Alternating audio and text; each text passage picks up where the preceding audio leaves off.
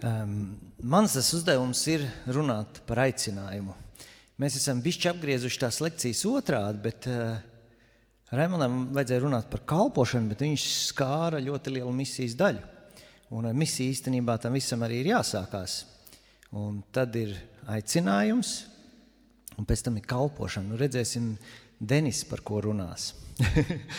Dievs tā ļoti labi nobalansē visas lietas. Um, man varbūt nebūs tik ļoti praktiska tā lekcija, bet es arī aicināšu varbūt mazliet sasprindzināt, nu, kā lai saka, uzmanību un, un prātu un mēģināt ieraudzīt tādu lielāku bildi kopumā. Un tad no tās lielās bildes mēs mēģināsim iet tur, kur mēs atrodamies un saprast, um, kur mēs esam, kur mēs esam savā aicinājumā, vai esam, vai neesam, vai kas mums ir vajadzīgs, lai mēs tur būtu. Bet, uh, nu, es nezinu, man ir tā, ka, ja es gribu saprast kādu detaļu, es viņu nevaru saprast, kamēr es neredzu lielo bildi. Un domājot par šo lielo bildi, Man uzreiz jāsaka, mēs esam radīti pēc dieva tēla un līdzības. Domājot tādā aicinājuma, misijas un kalpošanas kontekstā, bet, bet vispār arī vispārējā. Mēs esam radīti pēc dieva tēla un līdzības. Un varbūt mēs neapzināmies līdz galam, ko tas īsti nozīmē. Un par to varbūt mums ir jāsēž un stundu jāpārdomā. Vienkārši pašiem ar sevi. Ko tas nozīmē, ka es esmu radīts pēc dieva tēla un līdzības. Un tagad varbūt kāds domas varbūt nāk galvā, vai Dievs izskatās kā cilvēks? Jā, Jēzus Kristus.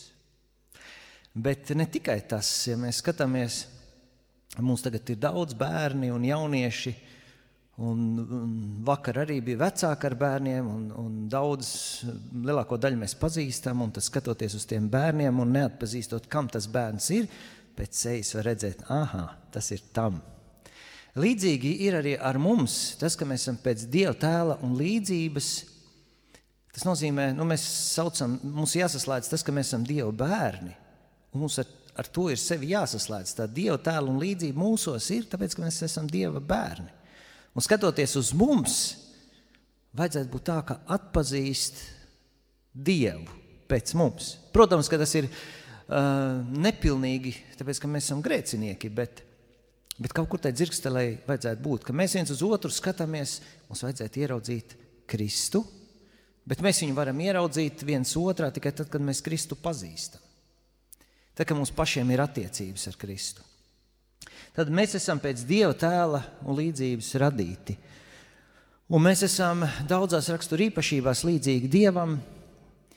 Un, ja mēs paskatāmies, tur ir tāds dabas skats, es uzliku, ja mēs tagad vasarai sevišķi, vakar bija tik silts ārā, un mēs paskatāmies uz debesīm, un mēs paskatāmies uz kokiem, un ja mēs izējām tādā mežonīgā dabā, mēs redzam lai cik tur būtu mežonīgi, tur ir ļoti skaisti. Un kaut kāds skaistums ir arī šeit, jo te viss sakārtots, ir celiņi sabūvēti un ir skaists, tur vajadzīgs mākslinieks, kas visu to sakārto, bet tas arī rāda to Dievu tēlu un līdzību, ka mēs esam kreatīvi, ka mēs veidojam, mēs, tas Dieva mākslinieciskums ir mūsos iekšā. Un ja mēs paskatāmies, teiksim, paņemam mikroskopā vienu koka lapu.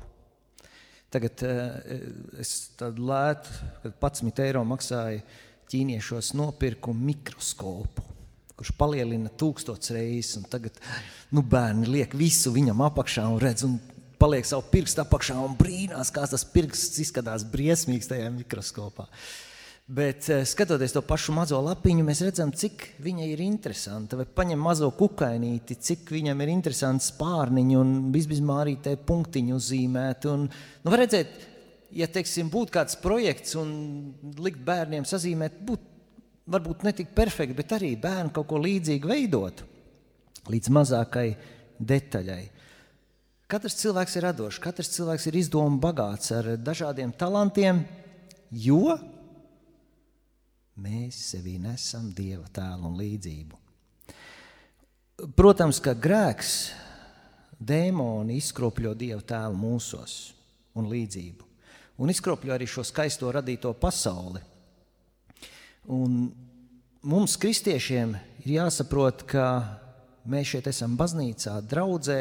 Mēs esam tādēļ draudzē, ka mēs esam iepazinuši Kristu. Kristus mūs ir atvedis uz draugu, bet Jēzu Kristu šis Dieva tēls un līdzība mūsos tiek atjaunota.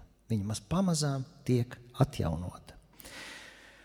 Un otra lieta, tā, kad mēs nākam uz baznīcu, Dievs mūs atjauno Jēzu Kristu un dara mūs par debesu valstības pilsoņiem. Un tad, kad mēs šeit esam, tad ar visu šo savu atjaunoto dieva līdzību uh, mēs sākam darboties debesu valstības labā.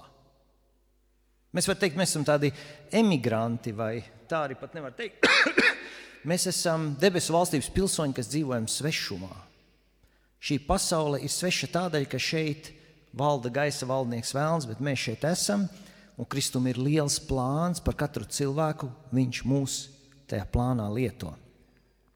Un esot draudzē, mums ir jāapzinās, ka mēs esam šī plāna daļa. Un tas, jūs jūtat, es velku lēnām uz aicinājumu. Gribu nolasīt no Efeziešu vēstules um, otrās nodaļas, pirmo otro pantu.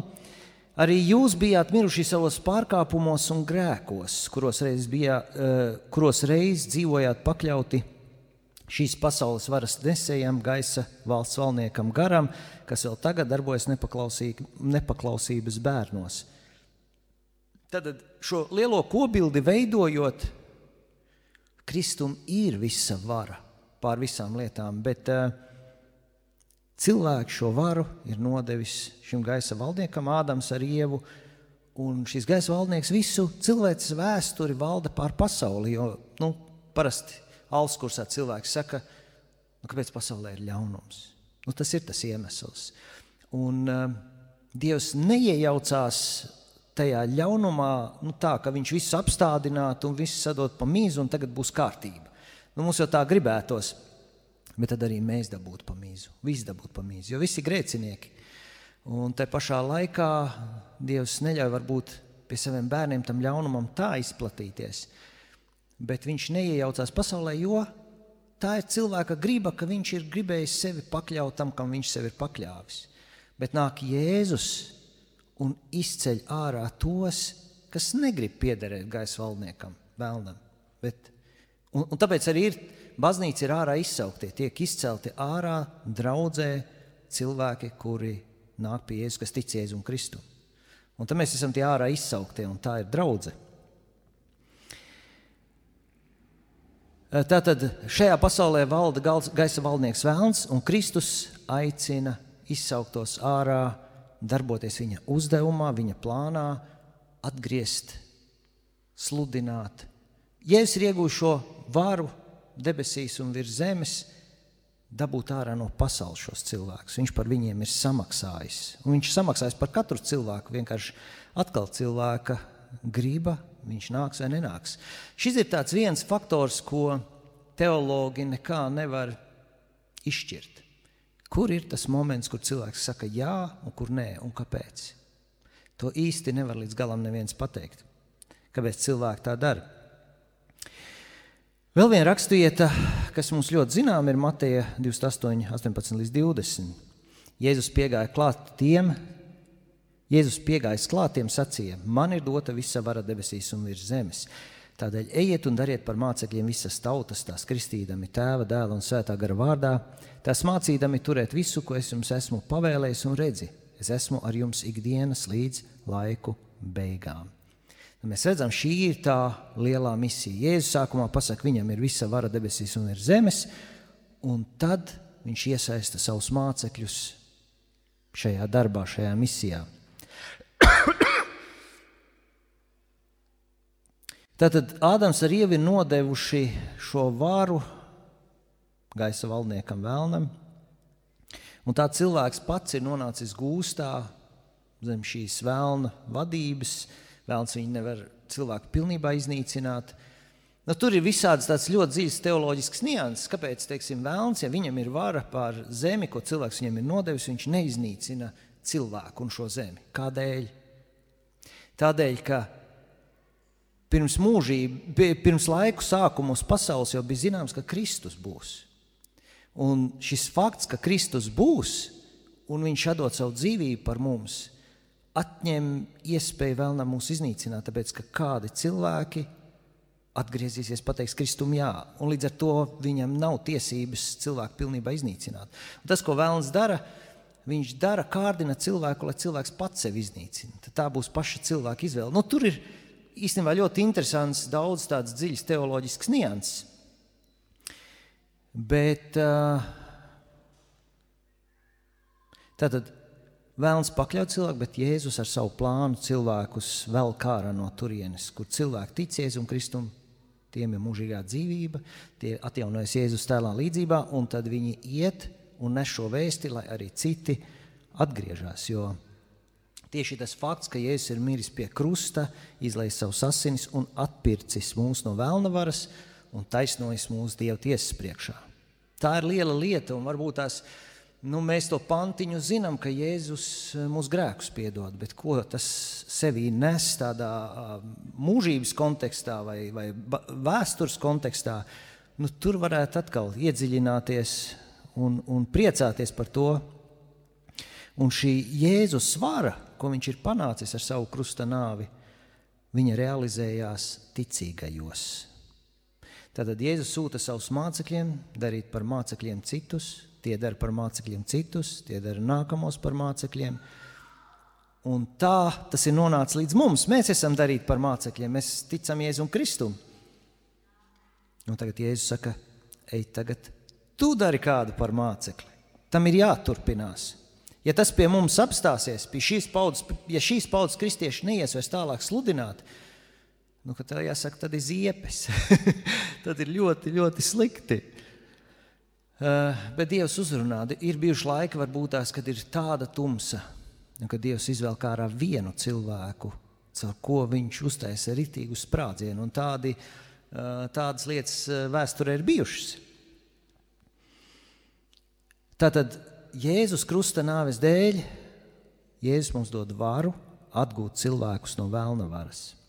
Un šie cilvēki arī kļūst par debesu pilsoņiem. Un šī ir tā lielā misija. Šī ir tā lielā misija. Un tā pašā laikā, kur divi vai trīs ir sapulcējušies, tur Jēzus ir viņu vidū. Protams, arī 4, 5, 10, 15, 20. Bet tajā vietā, kur ir kādi cilvēki Jēzus vārdā sapulcējušies, kā mēs šeit, Tur iestājās debesu valstība, tur Jēzus valda. Jā, ārā valda gaisa valdnieks Vēlns, nu, piemēram, vakar nu, gāja uz urā visi Jāņi un visas tās izdarības. Šeit notika slavēšana, šeit mēs pasludinājām, ka Dievs ir mūsu kungs, mēs viņu slavējam. Šeit automātiski ir debesu valstība ar visām izrietošām sekām. Tad pa priekšu ir šī lielā misija, ko Jēzus dod ar visu to, ka viņš ir atgūjis varu. Uh, un tad iz, no tā iziet aicinājums, un tad no aicinājuma iziet dažādas kalpošanas. Misija darīt par mācekļiem, tas īstenībā attiecas uz katru kristieti. Tāpat kā lūkšana, katrs kristietis lūdz bez izņēmuma. Bet ir kādi kristieši, kas var daudz lūgt, kas var uztaisīt sev gāru sarakstu ar visiem cilvēkiem, pa ko jāizlūdz, un eh, var sēdēt kapelā caurām dienām un vienkārši baudīt to, jo tā ir viņa dāvana un aicinājums. Līdzīgi arī misijā ir cilvēki, kam tā misija ir sirdī, jau no, nezinu, kurš, kurš cilvēks sev pazīst, kaut kas viņu urdu, bet viņš varbūt nav atpazinis vēl to aicinājumu sevi.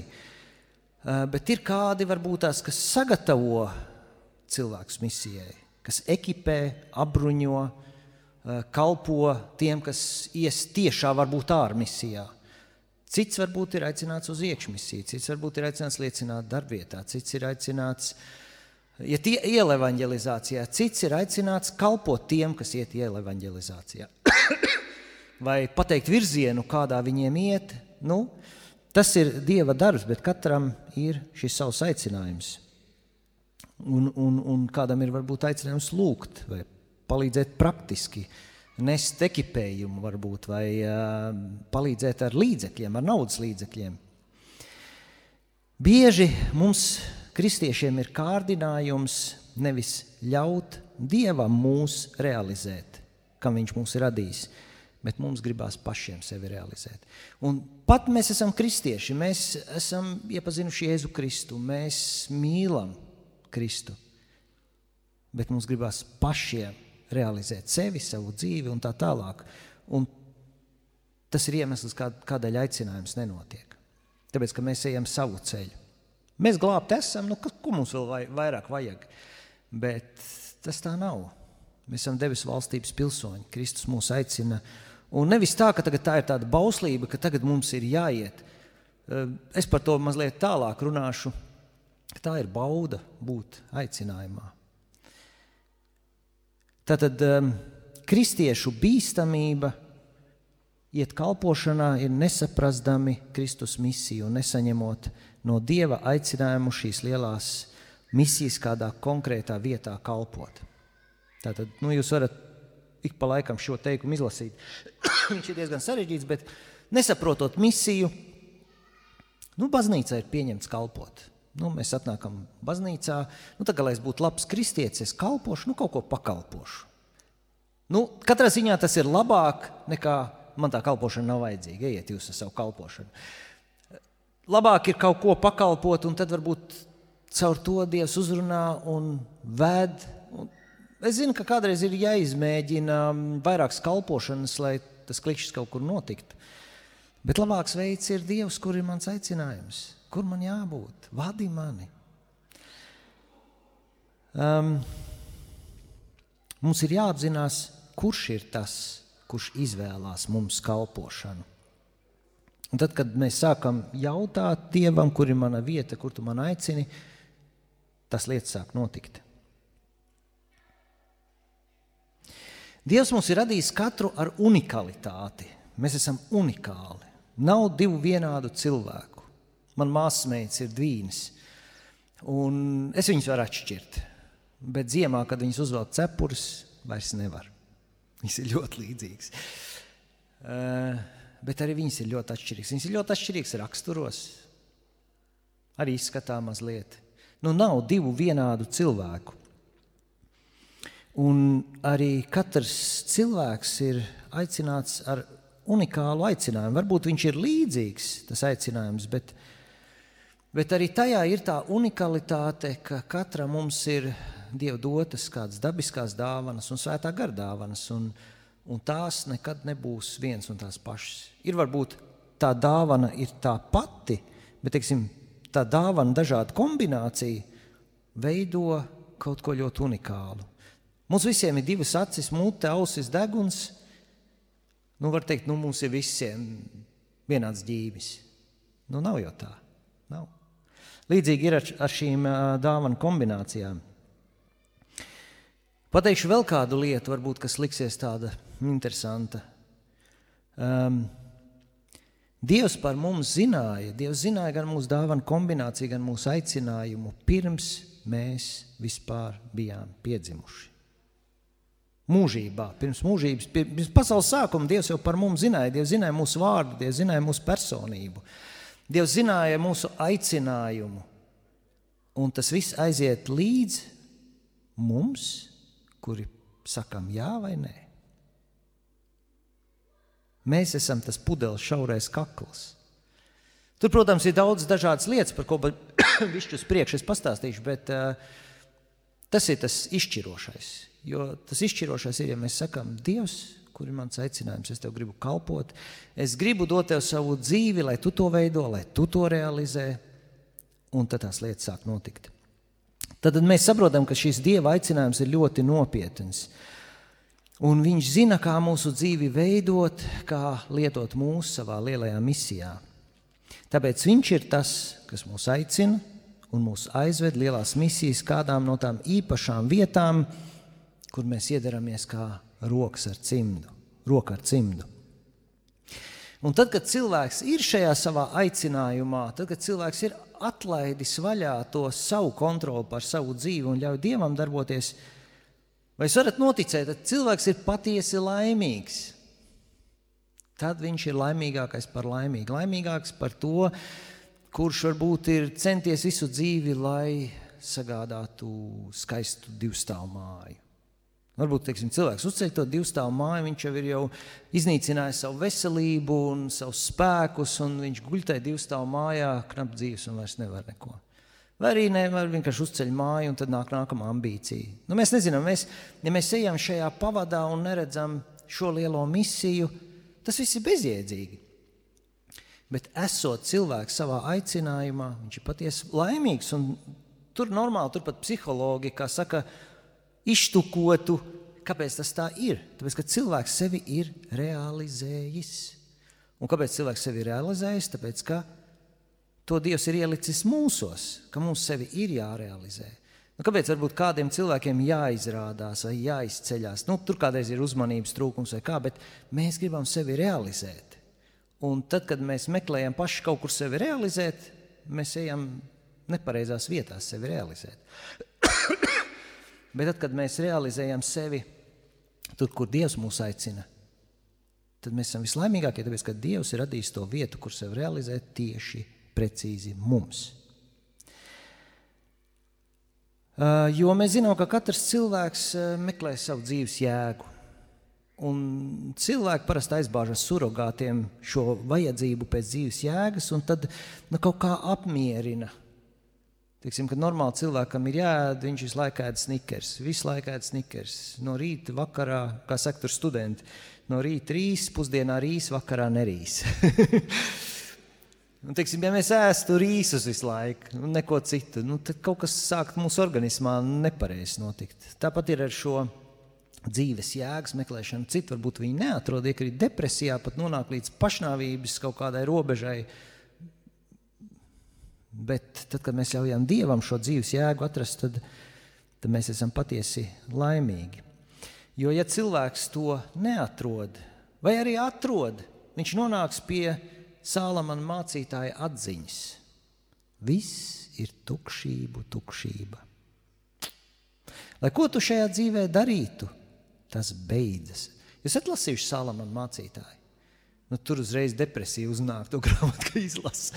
Ja viss ir tiešām, viss ir pilnīgi tukšība, lai varbūt mums ir šeit priecīgi, jautri un laimīgi, vai slikti un bēdīgi, nabadzīgi vai bagāti, visiem ir viens un tas pats - bedre, kur nolaiž kasti iekšā. Cilvēks tur iekšā. Un tad jau, kad tas ir, kad tas cilvēks tur ir, nu, tam cilvēkam pilnīgi vienalga, kas tur ir bijis iepriekš. Protams, Dieva tiesa un kā cilvēks ir dzīvojis, un viņa dzīve tiek vērtēta, un vai viņam ir Kristus, viņam grēks piedos un tā tālāk. Bet tas cilvēks, kas to nesaprot, pilnīgi vienalga, vai viņš aiziet kā labs cilvēks, aiziet uz pazušanu, vai viņš aiziet kā slikts cilvēks uz pazušanu.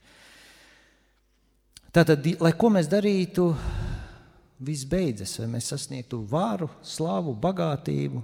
Kaut arī mēs iemantotu visu pasauli, kā arī Bībele saka, bet ko tas līdzi? Ka mūsu dvēsele pazūd.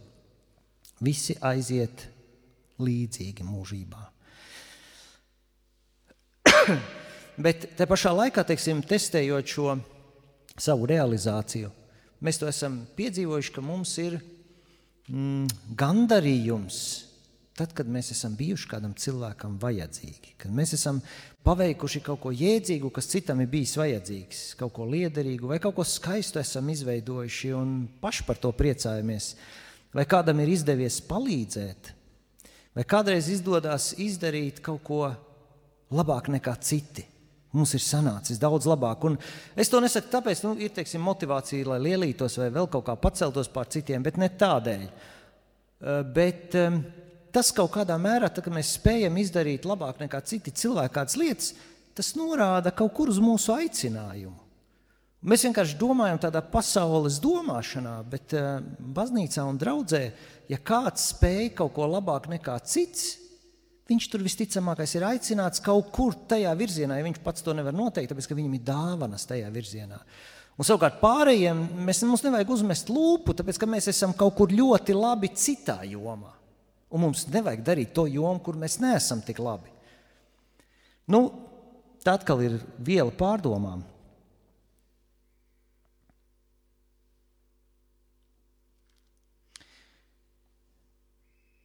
Tā.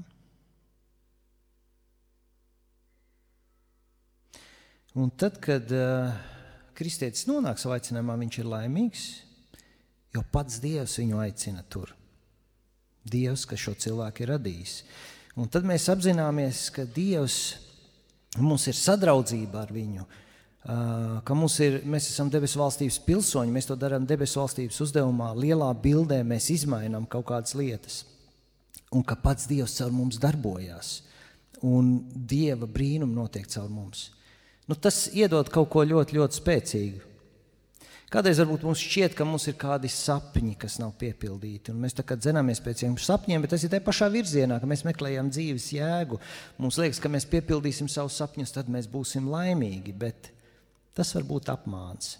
Un kādreiz Dievs arī ļauj šiem sapņiem piepildīties, un tad mēs saprotam, ka, nu jā, piepildies ir, bet likās, ka būs baigais, baigais gandarījums, vai arī mēs pafanojam kādu laiku un mēs jūtam, hmm, vajag nākamais sapnis, jo nav vairs uz ko tiekties.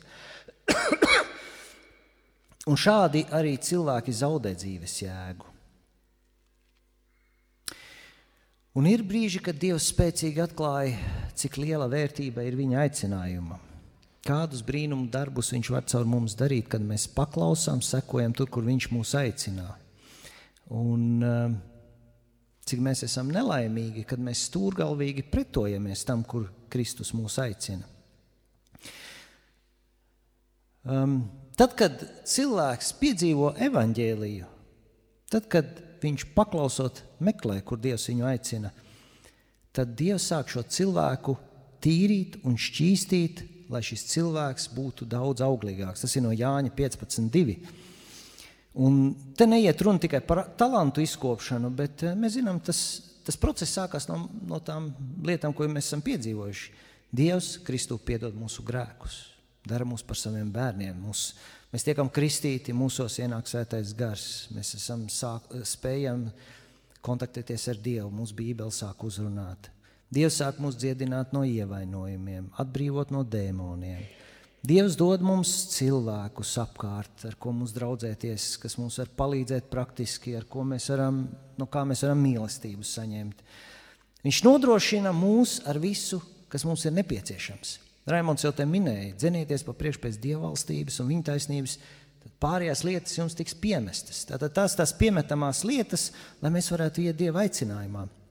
Un tas ir kādreiz tā biedējoši, nu kā tas būs. Es iešu dieva aicinājumā, kā es sev nodrošināšu, ko es ēdīšu, kā, tad, kā tur ir vajadzīga dziedināšana. Tāpēc, ka tad, ja mēs paklausām dievam, dievs jau ir tas, kas nodrošina. Un tad tur varbūt jāatbrīvo no neticības, vai varbūt ir no nabadzības jāatbrīvo, vai kā, bet vēlnam šī, šī finansu svira ir ļoti, ļoti spēcīga, ar ko izdarīt uz mums spiedienu un biedēt arī. kādreiz pat tās finanses nav tik sliktas, cik ir bailes lielas, kā tas būs. Un nedrošība. Bet Dievs visu to nodrošina. Viņš mums dziedina. Tad Viņš mums dod vidi, kur mēs varam uzplaukt. Um, Un, lai mēs savu aicinājumu realizētu, viņš neattīstīja tikai mūsu dabiskos talants, bet dod mums pārdabiskas svētā gara dāvanas, uh, kuri nav vienkārši talanti, bet uh, jā. Svētā gara dāvanas tā tad ir veids, kā ļoti spēcīgi Dievs darbojas caur mums un kopā ar mums. Tajā jomā, kur mēs esam aicināti. To mēs varam Bībelē, kāds pants atšifrēt šo, jo, ja es saku, ka mēs esam dar viņa darba biedri, Um, mēs, kristieši, bieži domājam, mēs varbūt katrs par sevi šobrīd domājam, kāpēc tik vāji tā svētā gara dāvanas manī izpaužās, vai vispār baznīcā. Pirmā lieta, vai, krist, vai kristietis apzinās Jēzus lielo misiju un Dieva aicinājumu viņam. Tas ir pirmais jautājums, kas ir jāiz, jāuzdod, kad mēs sākam skatīties, kur ir mana kalpošana, kāds ir mans dāvans. Mēs sākam no otra gala. Kur ir mana saprāšana par misiju, kur ir mana lūkšana pēc dieva aicinājuma, kur man atbild dievam, es gribu iet tur, kur tu man aicini. Bet ir arī kādas citas problēmas. Ja mēs paskatāmies uz mūsu draugiem, tad mazākums kalpo. Ņemam draugus, vienu, vienu draugu, mēs redzam, mazākums vienmēr kalpo. Nav vairākums kalpo, mazākums kalpo. Bet, kad mēs meklējam tajā pašā draudzē kādu kristieti, kurš ir skaidri dieva aicinājumā, kurš lieto savu svētā gara dāvanas, ir mazākums no mazākuma. Tātad ļoti maz. Un kas ir šie faktori, kādēļ mēs, kas esam piedzīvojuši Kristus evaņģēliju, kas mīlam Dievu, kādēļ mēs nespējam nonākt savā aicinājumā? Un es jau minēju, tātad pirmā lieta ir mēs pēc tam maz lūdzam vai nelūdzam nemaz. Uh, bieži kristieši neapzinās šo savu vajadzību pēc aicinājuma, jo ir katrs savā dzīvē, tad realizē pats savu dzīvi. Un ir savā rutīnā, un nav pat laika meklēt, nu, uz ko Dievs man aicina. Man jau tā ir tik daudz viss uz galvas, nu kur tad es vēl iešu kalpot? Man tam nav laika. Vai kādreiz jauniem kristiešiem iesvēts mācībās, ka, ka runā par trešo bausli, tev būs svēto dienu svētīt. Nē, nē, man svētdienā nav laika. Man tā ir vienīgais laiks, kas var pavadīt ar ģimeni. Pīp, drong. ja Dievs dod visu laiku, ja Dievs ir tas, kas dod tev laiku, ja Dievs ir tas, kas tev dod ražīgumu, ka tu vari strādāt mazāk un pelnīt vairāk. Dievs to mierīgi var izdarīt. Var, Dievs var izdarīt tā, ka tu nestrādā nemaz un tu pelni. Mierīgi Dievs to var. Vai mēs domājam, ka Dievs to nevar? Var. Un ja mēs sacauksimies Dieva aicinājumam, iesim viņa uh, tajā kalpošanā, kur viņš mūs aicina, vai Dievs par mums negādās? Tas ir ticības jautājums. Un varbūt, ja tā ticība trūkst, tad varbūt jāsāk ar to Dievs palīdz manā neticībā. Es gribu ticēt. Ja mēs mēģinātu tagad uh, katrs individuāli arī apsēstos un sākt lūgt par to, varbūt rastos vēl kādi jautājumi. Kā tas tagad būs? Visa mana dzīve izmainīsies, vai es esmu tam gatavs? Vai es esmu gatavs sevi, savu dzīvi pakļaut Dieva kontrolē? Ko tagad tas Dievs darīs? Oh! viņš man uz Ķīnu sūtīs. Ah, man, vai, vai vis, visbiežāk nu, tie ir vēlni, kas to dara, kas ies, ieliek domas galvā. Tad, kad mums ir visvairāk bail no kādas lietas, kur mēs negribētu būt, Dievs mani sūtīs tieši tur un liks tieši to darīt, no kā man ir bail. Ja Dievs arī tā darītu, tad Viņš paņem bailes prom. Viņš dod pārliecību, ka mēs paši, nu, kā saka, o, es to varu. Bet uh, Arī tajā aicinājumā, kad mēs atsaucamies, nav jau tā, ka Dievs mums piespiež kaut ko darīt, ko, kam mēs vēl neesam gatavi. Dievs mums sagatavo, ja Viņš kaut kur grib sūtīt, kam mēs neesam gatavi.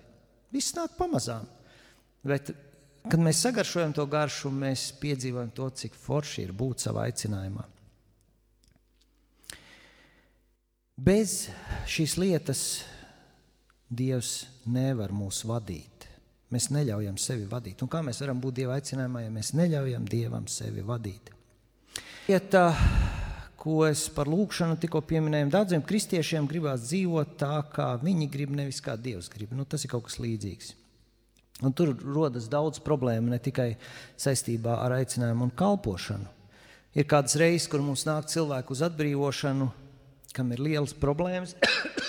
Viņi pat ir piedzīvojuši to, ka tās ir demoniskas izpausmes viņu dzīvēm Viņi arī kristieši ir tic Kristum, bet viņi ne, negrib ļaut Dievam mainīt viņu dzīvi tādā plāksnē, tādā plāksnē nu, ka viņi grib dzīvot tā, kā viņi grib.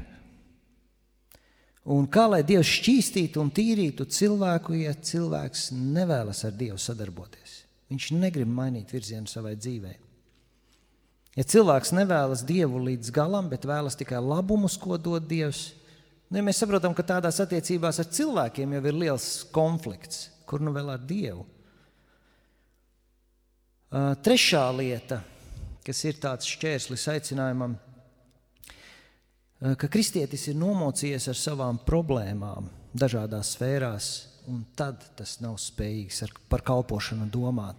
Šī ir visizplatītākā lieta starp tiem aktīviem kristiešiem, kas nāk uz draugu ka ir to problēmu tik daudz un dažādu, un pat tie kristieši mēģina kalpot, bet uh, ir ļoti smagi un par aicinājumu vispār nevar padomāt. Šādam kristietim ir jāsaņem kalpošana no draudzes, no citiem kristiešiem, ar aizlūgšanām, ar dažādām citām svētā gara dāvanām, lai šis kristietis būtu dziedināts un brīvs.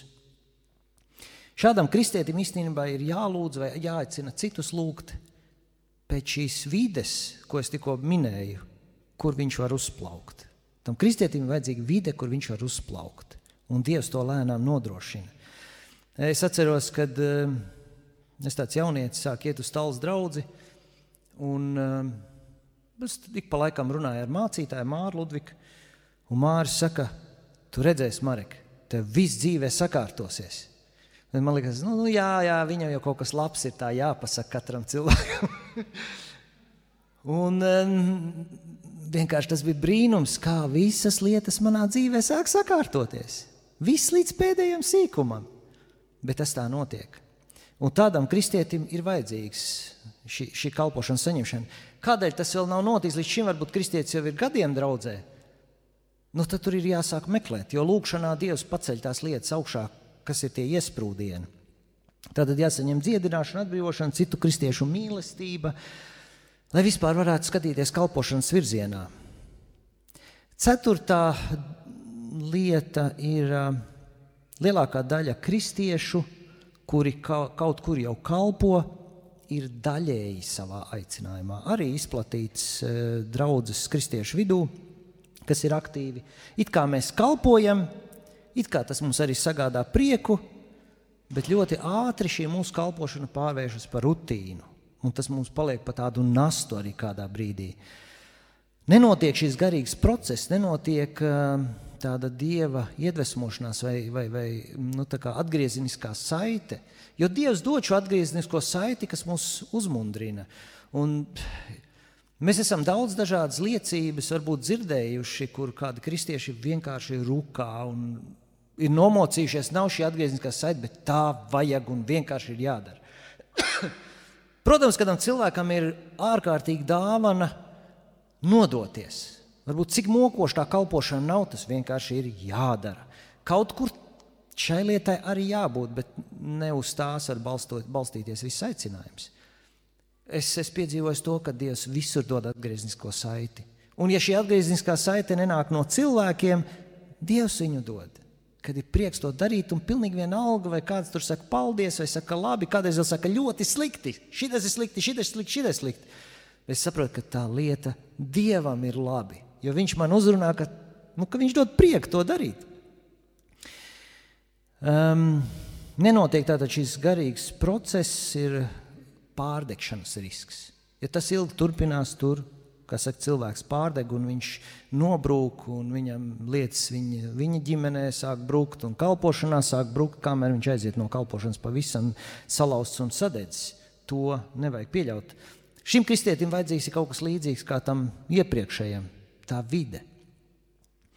Bieži vien varbūt nav emocionāli tāda atdeve no vadītājiem vai no cilvēkiem, kam tiek kalpots, vai pat ir pretējs efekts, ja nav no dieva šī atgriezniskā saikne. Var kaut kādu laiku tas vilkties uz paldiesiem, uz, uz vadītāju atbalstu un, un, un uzslavām, bet tas nav kā tas, kā tas strādā. Tas nav.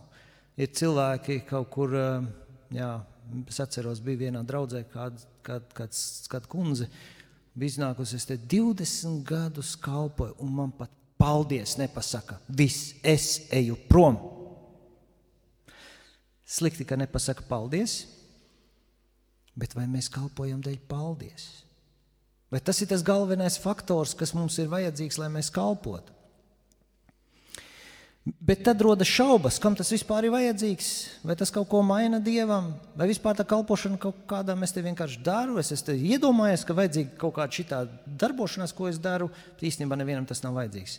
Labs jautājums. Ir vērts par to parunāt ar Dievu, palūgt, vai tas, ko es daru, man ir jādara. Nu, visticamākais, varbūt pat tā lieta ir jādara, bet es neesmu tajā vietā, un man tā lieta nav jādara. Tas varbūt jādara kādam citam. Visus šos jautājumus nedrīkst atstāt bez atbildēm un risinājumiem, jo šīs lietas nokaus to kalpošanu arī, kas jau ir. Un, kad kristietis ir brīvs, no dažādiem dēmoniem, kas liek kokus pieķos, kā piemēram, nu, tagad, tagad ir tā garīgā puse tai kalpošanai, ka šie dēmoni var likt kalpošanā kādas šaubas par visām lietām, ko mēs darām, vai bailes no kritikas, vai mazvērtība, vai vēl tur ir virknes, varētu saukt un saukt lietas, ko izraisa demoniska darbība, kas postā ārā kalpošanu. Tad, kad kristietis ir brīvs, šīs visas iepriekš minētās lietas atkrīt, un tad Dievs sāk uzrunāt un aicināt dziļāk tajā kalpošanā iet. Vai nu plašāk, vai nu dziļāk, vai nu darināt mācekļus klāt, vai nu, Dievs viņu transformē to kalpošanu nepārtraukti, jo Dievam ir svarīgi Ne tik daudz, varbūt, cik viņa ārā ir ār, ārēji redzama, skaista un cik cilvēki var kā, pasaulīgiem mērauklām nomērīt to kalpošanu, bet dievam vajadzīgs trāpīt mērķī. Un atkal tas, ko Raimons teica, viens vienkārši Billijs Grehems ir atvests. Dievam vajadzēja, Dievs gribēja, viņš zināja, ko tas Billijs Grehems darīs, bet viņam vajadzēja kāds, kas viņu aizvelk līdz tai sapulcei.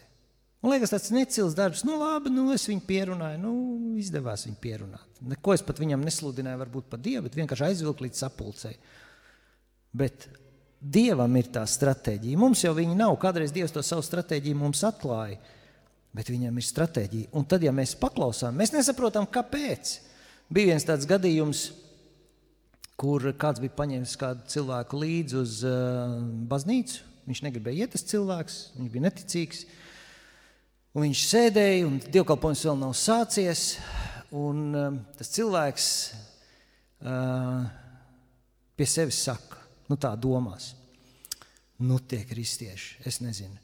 Ja tagad kāds pieceltos un palīdz zem tām klavierēm un sāk tur iet kā suns, nu tad es ticē, ticēšu. Un tagad viens kristietis, kas sēž priekšā, tāds paklausīgs dievam, Dievs viņu uzrunā, ej zem klavierēm un rej kā suns. Un tagad es kristietis tādā neziņā, nu, ko tagad lai es ar šo iesāku, nu, kā tas tagad būs. Nu, bet viņš sakot zops, aizgāja un reikā suns. Un viss tam cilvēkam bija ķeps gaisā, viņš padevās. Protams, ka mums vajag pārbaudīt, un tas atkal ir dziedināšanas process, vai kaut kas cits mums nerunā galvā. Ja mēs sekosim kādam impulsam, kādam jokainajam, jo tur dēmoni arī var runāt, nu, tur var visādi sanākt. Tas ir jāizkop, bet tā paklausība Jo tā kā svētais gars runā, ir pilnīgi pārliecība, ka tas ir svētais gars. Jo es atceros, ka man pašam bija tā, ka nu, kā dēmoni var galvā runāt. Es tāds jauns kristietis sāku nākt tāls draudzē, Māris iznāk. Tagad pirmā dziesma noskan, viņš no sakristējas iznāk. Tur ieiet altārī un tur ir tāda sētiņa, nu šī tik augsta. Pēkšņi nāk doma galvā. Kas būtu, ja tas Mārs tagad tā tāds kobojs, ha, ha, pārliektai sētiņai pāri. Ui, ko es domāju? Ko es domāju? Ko es domāju? Baltu baznīcā šādas lietas domāt. Tad iet, iet dievkalpojums mārs uzkāp kancelē. Kā būtu, ja mārs tā, juhu, tā kā kaubojs noliek zemē no turienes. Ko es domāju, kas manā prātā nāk? Bet saprotiet, šādi darbojas dēmoni. Ļoti uzstājīgi, ļoti saka, kačājoši tajā galvā tās domas, ka mēs no viņiem vaļā nevaram tikt. Svētais gars tā nedara. Svētais gars uzrunā, un mēs saprotam, ka tas ir svētais gars. Un, ja mēs sakām nē, viņš neuzstāja. Nu, lūk, um, mēs nevaram kalpot bez Dieva palīga. Un Dievs mūsu kalpošanu novērtē. Nu, tur ir teikts, ja tu dod žēlstības dāvanas, tad lai tava labā roka nezina, ko kreisā dara. Jo debes tēvs to novērtē. Nu, mēs tā kā dodam, un mums gribās to atgrieznisko saiti, un mums gribās redzēt to pateicīgo seju tam cilvēkam. Bet man tā bieži ir bijis, ka man cilvēki vienkārši kaut, kā, kaut ko uzdāvina, vai naudu, vai kaut ko, kad es kalpoju, kad es biju students īpaši. Un, un, un, man bija tā, ka vienreiz es strādāju grāmatveikalā, ceļš, kristīgais grāmatveikals, un um, man iedod vadītāja aploks un saka, ka Viens cilvēks gribēja tev to iedot, bet viņš negribēja teikt, kas viņš ir. Labā roka, lai nezinu, ko kreisā dara. Un tā atdeve nāk no dieva. Tas gandarījums nāk no dieva. Tātad cilvēku viedoklis kļūst otršķirīgs, tad, kad mēs kalpojam. Um, un kalpojam savu aicinājumu, kalpojam dievam. Mēs nemaz nevaram kalpot, patiesi dievam bez paša dieva. Mēs to nevaram. Aizmirstiet. Mēs varam varbūt tās ņemt slotu, izslaucīt visu baznīcas apkārtni un tā tālāk, bet ja mēs to darām pilnīgi bez dieva, nu, tam nav garīgas vērtības. Kaut kāda vērtība tam ir, un Dievs to var lietot kā vērtību, bet pašu to cilvēku tas neizmaina. Piemēram, jā, tu pat ļoti grūti ir pateikt, teiksim, neticīgs cilvēks eh, pats no sevis nākt slaucīt te apkārt. Tas jau, tad, tur jau būtu kaut kas, tur jau Dievs jau viņam ir pieskāries. Kāpēc viņš vispār grib nākt slaucīt? Te? Tur kaut kāds process jau notiek, bet, kā Jēzus saka, bez viņa mēs nenieka nespējam darīt. Un ja mēs kādas lietas sākam darīt, lai savu pašapziņu celtu vienkārši un viss, eh, tas nobruks ļoti ātri. Eh, ja mēs padomājam par to, kas kristietī notiek, mēs sākam saprast, cik neparasti ir kalpot savā aicinājumā un cik daudz jēzumu pie mums ir jāizdara, lai mēs to varētu darīt. Bet pirmais ir tā atsaukšanās, un tad Jēzus sāk pie mums tās lietas darīt. Eh, tad, kad mēs kļūstam par kristiešiem, mūsos iemājos svētais gars, ka mēs spējam Dievu lūgt, ar Dievu sarunāties. Svētais gars mūs mudina uz kādām Dievam tīkamām lietām, brīdina par briesmām, bīstamībām, Svētais gars mūsos ir atjaunojis saikni, iedevis spēju attiecībām ar Dievu, bet mūsu grēcīgo miesu joprojām ietekmē dēmoni, kuriem dažādu iemeslu dēļ ir piekļuvi pie mums. Un tie izraisa, piemēram, slinkumu, vai nespēku, vai spītību, vai skaudību, un tā tālāk varētu citēt šīs lietas. Uh, Ir bijuši gadījumi, ka arī nespēja saprast nāk no dēmoniem. Mēs lasām Bībeli un nav saprašana. Vienkārši nav saprašana. Tur, protams, var aizrakties, no kurienes tas ir, kāpēc tas ir, kā tas viss tā bildē saliekās kopā. Bet uh, tas var būt un tas ļoti, ļoti traucē. Vai nosliec uz mājiņticību, elgdievību, okultismu. Un tas ir, lai kristieti dabūtu prom no dieva. Vai arī mans kāre, slavas kāre, kas dzem pasaulē. Tā ir visa demoniska darbība uz kristieti lai viņš nebūtu savā aicinājumā, lai viņš nebūtu pie Dieva. No šiem traucēkļiem mums ir jātiek vaļā. Un tā kļūda varbūt tādiem regulāriem kristiešiem ir, ka mēs to pieņemam par normu un sakām, nu, tā jau visiem ir. Nu, kurš tad ar to necīnās? Tā tas ir, bet tam ir jāpiesaka karš. Un tad, kad mēs sākam pieteikt karu, tad, kad par mums sāk lūgt, tad, kad Jēzus sāk dziedināt, Protams, pirmais atsaukties Dieva aicinājumam un tad sākt šo procesu. Dievs vienkārši tās lietas paņem no mums prom. Arī pasaule izdara spiedienu uz baznīcu un kristiešiem, un jo vairāk pasaule samaitājas, jo, jo lielāka bīstamība tā, tam samaitātībai ienākt arī baznīcā. Un, um, no pasaules, ja pasaulē paliek tumši laiki, tad mēs tiekam, baznīca tiek vajāta, kristieši tiek vajāti Kristus un evaņģēlīja dēļ. Uh, bet ciešas attiecības ar Kristu to var pārvarēt. Noslēdzot, jā, noslēdzot, ja mēs vēlamies būt Dievā un savā aicinājumā, mums ir jābūt gataviem uzticēties Dievam un atdot Viņam kontroli pār savu dzīvi. Jo mēs šajā pasaulē esam svešinieki un mūsu pilsonība ir Dieva valstība. Otrais mums ir jālūdz, lai Dievs mūs sagatavo un ved savā aicinājumā, ko Viņš mums ir paredzējis.